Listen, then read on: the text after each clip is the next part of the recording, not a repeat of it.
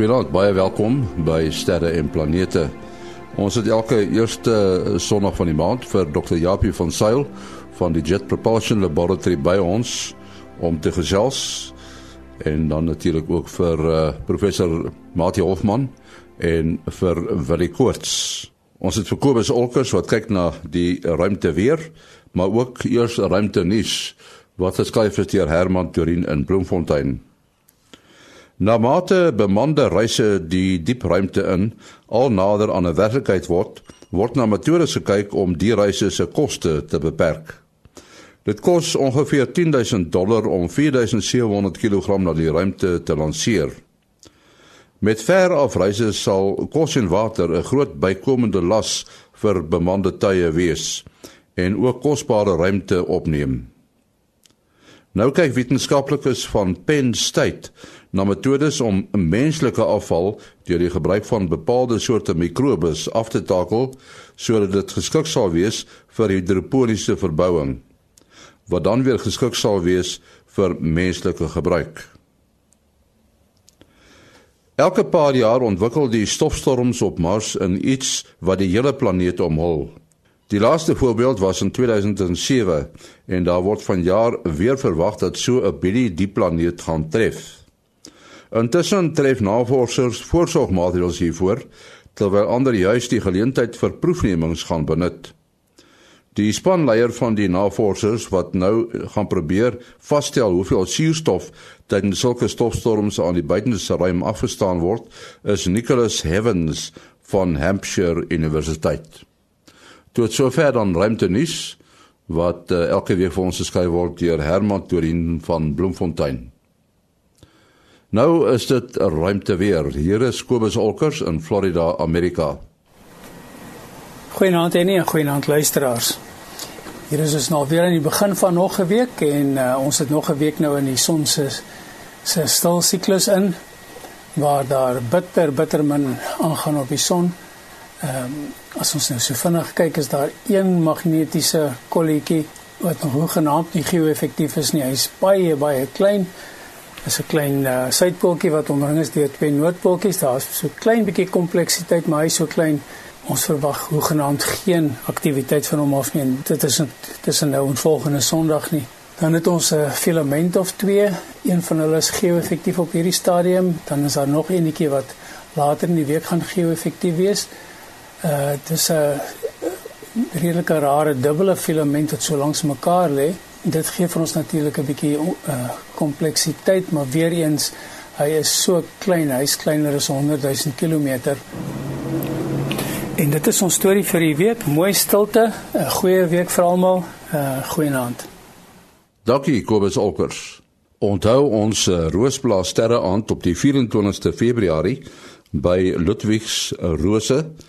Vir meer inligting skakel 012 5440144. 0125440144 en uh, die nommer is net beskikbaar van 8 tot 05 van 8 tot 05 Onthou die datum die 24ste Februarie by Ludwigsrose net noord van Pretoria. Ja, en onthou ons sterre en planete boek is nog beskikbaar. As u belangstel in 'n kopie, dan moet jy die volgende woord SMS.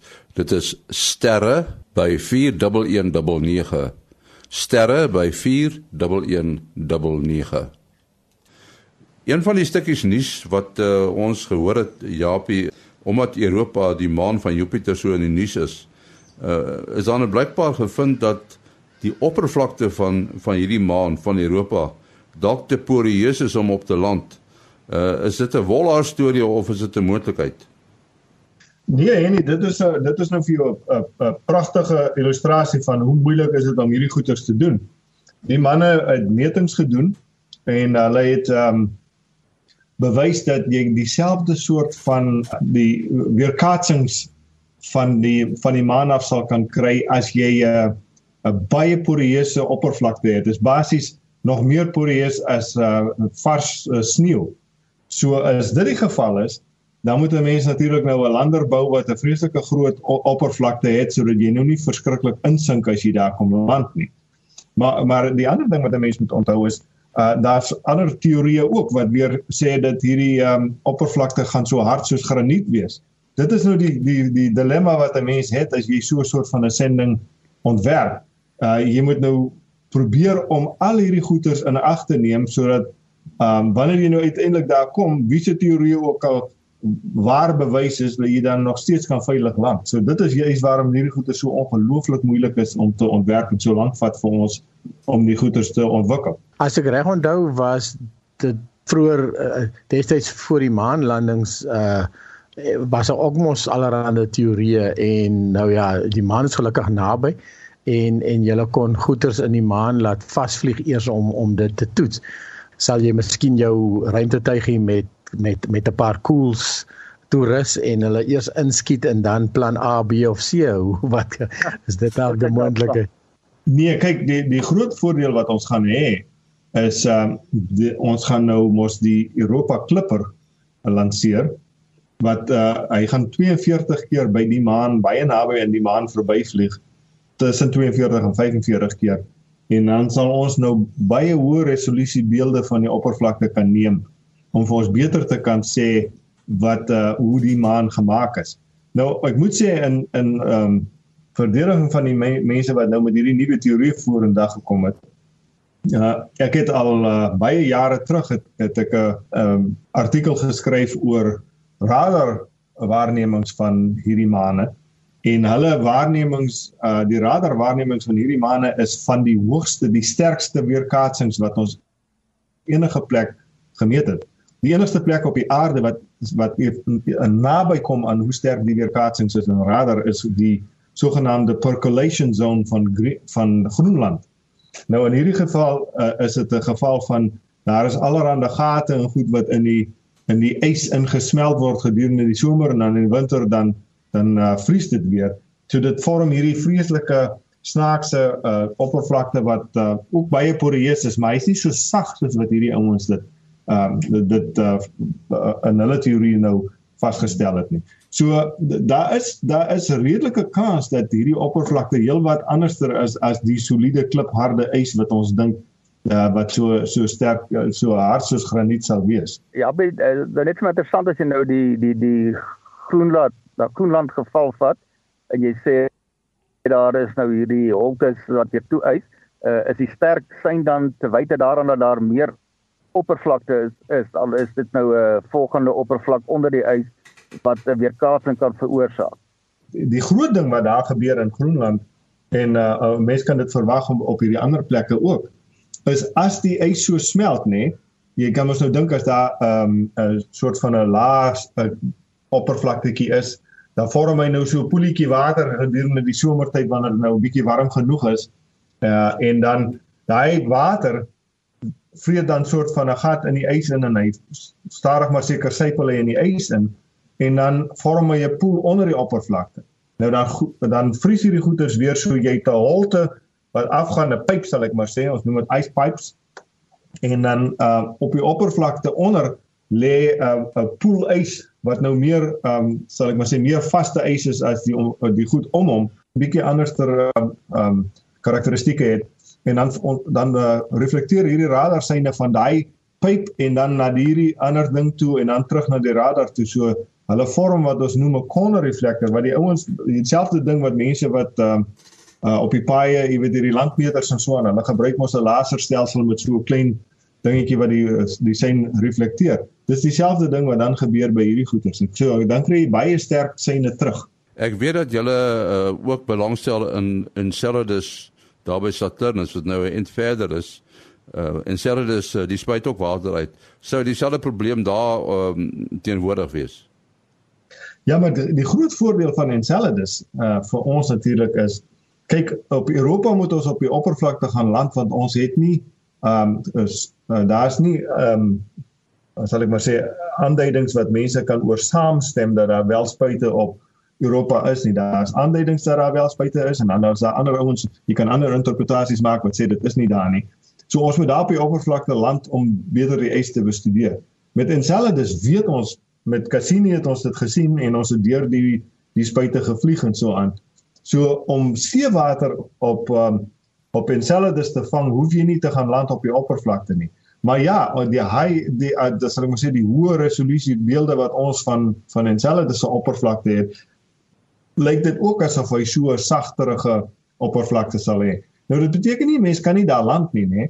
Wat dit beteken is jy moet groot uh, sneeuskoene en sulke goeders aan jou aan jou lander sit en so voorts om seker te maak dat hy genoeg oppervlakte het dat hy laat hy wel op hierdie sagte ding kan land en net so 'n bietjie by um um sal ek maar sê kompak en dan nog steeds op die oppervlakte sal dryf soort van. Ek neem aan julle die die swaartekrag van die uh, maane is redelik goed bekend want julle het mos daarom nou ruimtetye wat daar omvlieg en dan kan julle die swaartekrag bereken. Uh wat natuurlik in jou guns stel hierso omdat dit nie so baie is nie. Uh so jy maar jy so jy kan jy uh, redelik jou lander uh, weeg redelik minder wat, wat natuurlik 'n bietjie gaan help. Ja, dit is dit is absoluut waar uh hierdie maane in daai opsig is hulle baie meer baie makliker om op te land as byvoorbeeld Mars want ons het nie daai verskriklike swaartekrag aantrekking wat uh wat jy hoef hoef te te werk nie. Ons moet ook natuurlik uh die die lander stadig genoeg op die oppervlakte neersit maar dit is nie dit is dit is basies net jy moet stadig genoeg neersit dat hy nie uitmekaar uitbreek as hy land nie. Uh ja, ek sit nou uh, net oor 'n ding en dink. Mense kan nou uit die uit die ruimte uit op 'n afstand kan jy nou met 'n uh, verskeidenheid van instrumente, spektroskopies uh, en so aan kan mense uh, baie goeie inligting kry oor die uh, samestelling van die oppervlak van 'n uh, hemelliggaam weet wat watter elemente is daar? Watse verbindings is daar? Maar nou blyk dit dat dit baie moeilik is om die meganiese eienskappe in terme van hoe hard hoe poreus uh, dit is op 'n afstand te bepaal. Weet is dit dan moontlik dat jy kan sê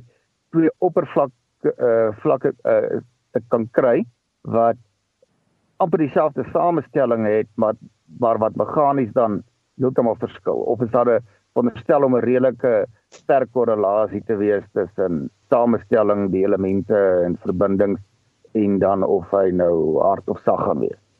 Uh nee, maar jy jy maak 'n baie goeie punt. Kyk, die, die probleem met hierdie afstandswaarnemings wat ons so doen met hierdie spektroskopiese kameras en so voort. 'n Mens moet altyd onthou hierdie goed meet die samestelling, die chemiese samestelling baie akkuraat, maar hulle meet die chemiese samestelling van die van die top 'n paar mikrons. Nou 'n mikron is uh jy weet 1 miljoenste van 'n millimeter, 'n uh, duisendste van 'n millimeter wat hulle meet. So dis sê net maar jy meet so 10 uh 1 honderdste van 'n millimeter of so dit diep in to, in die in die oppervlakte in. Meet jy nou die samestelling met hierdie spektroskopiese kameras en so. So jy kan nou dink as daar 'n baie dun laagie van materiaal oor 'n oppervlakte gesprei is dan sal vir die spektroskopiese kamera sal dit lyk asof die materiaal die hele oppervlakte uit die dun laagie materiaal uit bestaan wat natuurlik nie noodwendig die geval is nie. Uh so dit is die groot probleem met daai soort van waarnemings. Nou op die Europa Clipper wat voor ons nou daar gaan land daar sal aankom, het ons 'n radarstelsel. En die radarstelsel is weer uh basies hy kan basies vir jou geen inligting gee omtrent die samestelling, die chemiese samestelling nie. Maar hy is absoluut gee vir jou um die die in, uh, inligting omtrent die meganiese sterkte en die digtheid van die van die oppervlakte. So ons sal baie duidelik met die radar kan sê watter uh, dele van um Europa is die soort van hierdie fluffy um uh, sponsorige materiaal of watter van hulle is hierdie harde graniet tipe materiaal. So dit sal dit ons daarvoor sal ons die radars gebruik. So met ander woorde uh om nou 'n bietjie tot 'n uiterste te vat, as jy nou 'n uh, 'n groot meer het op 'n oppervlak, maar jy bedek hom net met 'n dun aluminium film, weet hierdie folie wat mense in die kombuis gebruik, dan gaan die chemiese uh, uh, spektroskopiese instrumente vir jou sê daar is net aluminium. Dis presies. Hy hulle gaan hulle gaan glad nie die die reuse volume water daaronder raak sien nie, maar jy sal daai inligting dan uit radar uit kan kry. Ja, dis presies wat gebeur. Maar maar die radars kan vir jou dan sê, ehm um, as daar 'n nou maar 'n eh, eh, 'n beter voorbeeld wat eh, wat ek selfs aan die in verlede gesien het is partykeer as vulkane uitbars dan gooi hulle hierdie um ligte materiaal wat hulle in Engels pumice noem um wat die goed kan op water dryf. So as jy nou byvoorbeeld met um spektroskopiese instrumente na die water kyk dan sal jy sien dit lyk soos vulkaanklippe Maar met die radars nee, kan jy sien waar is die vulkaanklippe en waar is die water baie duidelik. So so kan jy die radar uh, se frekwensie verander om om deur te dring of uh, hoe bepaal jy om kyk jy op die oppervlak of kyk jy bietjie dieper? Ons het twee frekwensies. Ja, dit is soos presies soos jy sê, mens gebruik verskillende frekwensies. So ons gaan twee frekwensies gebruik, 'n baie lae frekwensie wat vir ons hopelik tot ongeveer 30 of 40 40 km deur die ys sal kan dring om te sê of daar water onder die ys is. So as die as daai yskors van uh van uh, Europa minder as 30 tot 40 km is, dan sal ons die water kan raak sien. Uh daar's ook teorieë dat daar dalk meer vasgevang is binne in die ys en dis met met die lae frekwensie radar wil ons dit nou sien. En dan het ons 'n hoër frekwensie radar ook wat vir ons nie dwars deur die ys sal kan dring nie, maar hy gee vir ons weer baie meer inligting omtrent die struktuur van die ys naby die oppervlakte, so ongeveer 'n kilometer of so. Ja, as jy met nou so na jou luister, Japie, dan klink dit is asof jy môre daarop daardie uh, maan gaan land. Uh, wat is die tydskaal wat wat ons nou op werk uh, met al hierdie goed? Man, en kyk vir ons is dit omtrent môre soos jy uh, jy weet uh, ons is maar amper soos geoloog, tyd loop maar bietjie stadig vir ons.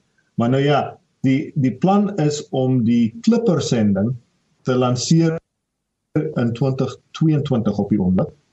En hy gaan dan 4 jaar vat om by Europa uit te kom. So dit is hy kom so 2026 se kant daaraan. Die lander sal ons dan ongeveer 2027 uh se kant lanseer op die oomblik is die plan. Miskien 'n klein bietjie later afhangende van die fondse wat beskikbaar is. En dan sal hy die lander sal ook ongeveer hy sal ongeveer 7 jaar vat want hy's baie swaarder en groter as die uh, as die klipper. En so hy sal dan so ongeveer vroeg in die 30's daar aankom. So 'n man moet maar bietjie geduldig wees met hierdie soort van goed. So ons het 'n bietjie tyd nog om die ding te werk. Daai daai bepanning van die landings en die sendings amper op dieselfde tydskaal as wat mens jou polis uit uh, uitbetalings beplan. Ja, dit is so. Dit is so. Omdat jy hierso praat van buiteplanete, is dit nie 'n vreeslike groot probleem soos 'n net 'n lanseervenster nie, nee, ek bedoel dit ons wil seker maar net die aarde min of meer aan dieselfde kant van die baan hê uh wat binne 'n jaar is so so jy het nie seker nie 'n vreeslike sommetjie wat jy hoef te maak en sê ons kan net van die tyd tot die tyd lanseer nie. Uh da dit is 'n uh, bietjie beter as as Mars. Mars kry ons een venster elke ongeveer 26 maande. En so byvoorbeeld Insight wat ons nou binnekort gaan lanseer, sy venster is van die 5de Mei van jaar tot die 18de Junie. Dan kan ons hom lanseer. Uh met uh Europa het ons twee sulke vensters elke jaar. So dit is baie baie soos jy sê, dit is baie meer 'n geval van ons kan maar uh 'n redelike groot vensters oop wat jy kan gebruik om te lanseer. So dit is baie meer uh toeganklik of of uh, as wat Mars byvoorbeeld is. Hoekom is dit jy's twee vensters per jaar? Wat bepaal dit? Die eerste venster het jy bietjie meer 'n uh, bietjie minder uh, krag stuwing nodig om hier van die aarde af weg te kom en in die regte baan te kom. Uh maar beide van hierdie vensters is uh, uh, dit hang af van waar jy is in die baan relatief tot um tot Jupiter. Dit het te doen met die um die die aantrekkings van die son tussen in uh, die um, as jy direk na Jupiter toe gaan, die maklikste is as, as die aarde al verby die son is, sal ek maar sê. Hmm, hmm. Aan die Jupiter se kant. Okay. Die Jupiter se se se um baan is natuurlik baie stadig. Dit vat baie jare vir Jupiter om om sy baan te gaan. Die aarde gaan klomp kere elke in in een Jupiter jaar, sal ek maar sê, gaan die aarde om die son en dit hang af waar ons is relatief tot die son ook wanneer ons lanseer. Net so ietsie oor oor Mars waar jy taamlik doenig is. Hulle het nou yslae onder die Mars oppervlak gevind. Hoe diep is hierdie yslae? Want die yslae is baie naby aan die oppervlakte om die waarheid te sê. Hulle is um, en hulle is baie dik. Hulle is 'n uh, hele paar honderd meter uh, is die skatting op die oomblik wat hierdie yslae is.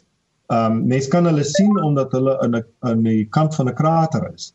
So hulle is met 'n dun laagie stof weer terug na wat ons voor voorheen gepraat het. Hulle is met 'n dun laagie stof toe.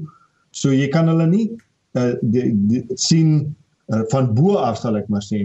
Maar aangesien hulle nou in 'n krater se se se kraanse is, sal ek maar sê, kan 'n mens dit van die kant af sien. En dis nou wat nou hier gebeur het. Hulle het nou uiteindelik die goeie se bietjie meer die uh, geproseseer die die beelde en uh, en hier is 'n baie baie dik laag ys. Die probleem natuurlik vir ons is ons kan glad nie by die goed uitkom met ons rovers nie. Want hulle is op 'n krater se se kraanse. So dit is nou weer 'n ander rede waaroor 'n mens moet dink aan ander maniere om op Mars rond te beweeg soos 'n helikopter en die soort van goeders. Maar daar's vreeslik baie ys uh, in hierdie spesifieke beelde wat hulle vrygestel het. Nou watter soort ys is dit? Is dit waterys of droë ys?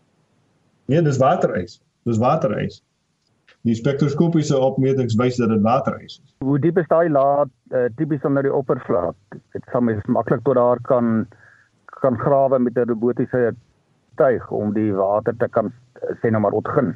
Ja, op die oomblik ja. uh, lyk dit kyk die ons het nie eintlik genoeg resolusie op op die oomblik om presies vas te stel nie maar dit lyk asof dit in die omgewing van 100 meter of so is wat dit onder die oppervlakte is. So dit behoort uh, toeganklik te wees.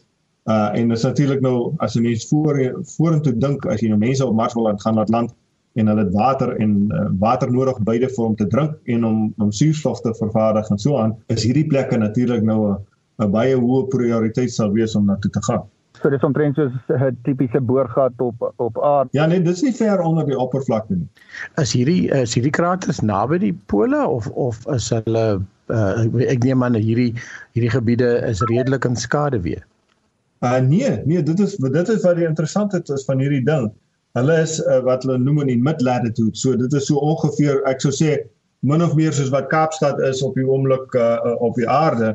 Uh, ek dink as ek reg onthou hierdie is tussen 30 en 40 grade en as ek reg onthou um, Kaapstad is 34 grade. So so dit is nie dit is nie baie na aan die pole nie. Ek moet sê ons het ook so 'n radarstelsel op Mars waarmee ons uh, kan probeer kyk onder die oppervlakte. En die radarstelsel het al voorheen op seker is uh, verskeie plekke aanduidings gegee dat daar uh, onder die stof gletsers is. So uh, dit is nie eintlik vir ons so verskriklike uh, noem mense 'n groot surprise gewees sal ek maar sê dat ons nou hierdie uh layer hierdie ys um gesien het nie wat wat vir ons 'n bietjie snaaks is is dat hulle soos jy nou sê dat hulle nie alreeds gesmelt het en so aan nie maar de, ek neem aan die spesifieke areas is net koud genoeg dat hulle nou nie heeltemal wegsmelt vinnig nie. Kan 'n mens nou aanvaar dat daar elders op Mars ook ys onder die oppervlak is? Ja, kyk, die teorie het nou ver, verander op 'n stadium toe ons oorspronklik daai radars ontwikkel het. Ja, was die teorie dat die ys so ongeveer 'n kilometer onder die oppervlakte is. Maar soos ek sê, die radars het al reeds voorheen aanduidings gegee van gletsers in die in hierdie sogenaamde so 40, 30, 40, 50 grade noord en suid van die van die ewenaar van van uh, Mars af. En so uh, die die teorie nou is dat die ys baie nader aan die oppervlakte is En uh, dit is natuurlik die verklaring op die of ek sou sê een van die verklaringe op die oomblik vir die sogenaamde RSLs wat ons daar sien die recurring slope lineae wat hierdie hierdie da, uh, donker strepe is wat gedurende die die somer op Mars vorm teen die teen die rand van kraters en so aan. Die teorie is dat die ys naby genoeg aan die oppervlakte is dat hulle bietjie smelt en dit is 'n soort van natterige strepe wat so vorm deur die deur die somer.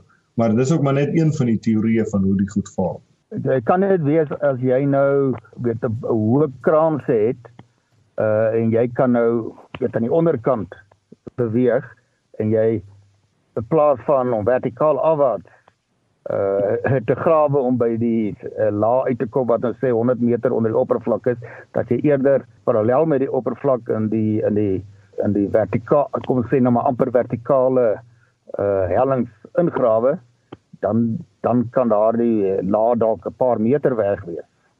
Ja, dit uh, dit is baie duidelik 'n beter manier om dit te doen. Ons het hier by JPL so ehm um, hulle noem dit die Axel Rover. Die ding het uh, vier wiele en uh, as jy dan ry tot naby so 'n kraans, dan uh, parkeer hy daar en sy sal ek maar sê sy agterkant het dan 'n groot ehm um, 'n boor waarmee hy hom vas anker dan kom die voorwiele af. Dan kan die voorwiele met 'n kabel teen die kraans afgaan. En uh, jy kan dink aan so iets om dan die 'n uh, uh, uh, uh, nog 'n ekstra boor aan te sit en dan kan jy hom weer later terugtrek natuurlik. So jy kan dink aan so iets wat kan afsak, die water gaan myn uitboor, die ys gaan uitboor en dan oppervlakte toe bring en dan kan 'n ander rower dit wegvat na die na die mense toe. So dit is juist waaroor die ouens dit oorspronklik ontwikkel het. Ja, die die die ouens wat uit na BB uitkom sal die beste ouens wees om op daai span te sit om water onder daai oppervlaktes uit te kry. Alhoewel ek moet sê dat die, die Kaapse ouens sal seker ook nou vinnig bykom. ek wou sê uh, uh, ja, dit het natuurlik implikasies vir sendings na Mars toe as dan nou ys onder die oppervlak is dan is daar daarom nou water wat hulle kan gebruik. Dis reg. So dit is dis eintlik 'n baie groot in in daai opsig is dit 'n baie groot ontdekking vir al die mense wat beplan om mense Mars toe te stuur en so aan dat daar hierdie groot hoeveelhede ys so naby aan die oppervlakte kan wees. Um dit dit uh, uh, is baie goed vir al hierdie soort van sendinge want soos ek sê jy kan beide water vir drinkdoeleindes daar uit kry en natuurlik kan jy dan die water self gebruik die waterstof um, die watermolekules opbreek om om suurstof uh, daar uit te uh, vervaardig en ook die die uh, waterstof te gebruik vir um, vuurpyl um, aandrywing so. Dis eintlik 'n baie goeie nuus. Ja dis is seker dan ontsoutingsaanlegte moet bou nê nee, want julle julle sê is baie brakwater. Ja dit hierdie spesifieke ene die al die artikels wat ek sover gelees het sê uh dit lyk soos gewone waterys maar nou uh die ander die, die sogenaamde RSLs lyk soos baie brakwater. So uh, ja, dit, dit is natuurlik 'n 'n moontlikheid dat jy sal een of ander manier die die water moet ontsout. Dis vir my net wonderlik om te dink dat uh uh die die eerste mouskarretjie is dit Spirit of wat ene is dit wat nog besig is. Opportunity, opportunity is nog besig, ja. Opportunity is nog besig. So hy hy uh, sy werkverrigting is nog goed. Ja, nee, en, en natuurlik as 'n mens terugdink, uh hierdie maand is dit nou 14 jaar gelede wat die motorkarretjie daar geland het natuurlik, né? En dit is ongelooflik om te dink dat hy nog uh wetenskaplik so produktief kan wees na 14 jaar. Dit is nou jy's mos vroeër in die week het julle Amerika se Sputnik maar amper sê gevier Explorer 1 wat Amerika se eerste uh uh vuurpyl in die in die lug op was en dis presies 60 jaar terug. So mens kan amper dink in 60 jaar hoeveel hoeveel hoeveel het dit goed gevorder nie. Ja, dis ongelooflik om so te dink. Dit was natuurlik die 31ste Januarie 1958 wat die Explorer 1 gelanseer is, nê? En soos jy sê, dit was nou die 60ste viering wat ons hier gehou het. Uh dit was die eerste satelliet wat Amerika opgestuur het en uh natuurlik ook die eerste satelliet wat um JPL gebou het. Dit was nog voor NASA bestaan het om die waarheid te sê. NASA eers, is eers later daardie jaar gestig um deur die Amerikaanse regering. So as jy die ou koerante lees, dan sê hulle die die Caltech satelliet want uh, op daai stadium en soos nou nog vandag JPL is natuurlik deel van die Universiteit Caltech Maar uh, dit was Amerika se eerste satelliet en dit het die um, die van Allen belt hier om die aarde die wat die wat ons magneetveld die uh, geleide partikels van die son af um, van uh, van die aarde af weghou. Daardie satelliete dit ontdek. So dit was uh, wat was beide die eerste satelliet en ook die eerste wetenskaplike ontdekkings in die ruimte. So dit was 'n baie groot uh, ding en soos jy sê, mense ons het dan baie ver gekom in die 60 jaar. Ons moet afsluit ongelukkig. Japie, jou besonderhede? My e-posadres japiejpl@gmail.com. En dan eh uh, Mati? Uh selfoonnommer 083 625 7154. 083 625 7154. En dan Willie? Is 0724579208 0724579208 En my e-posadres is gewoonlik maas.henny@gmail.com. maas.henny@gmail.com. Tot volgende week. Mooi loop.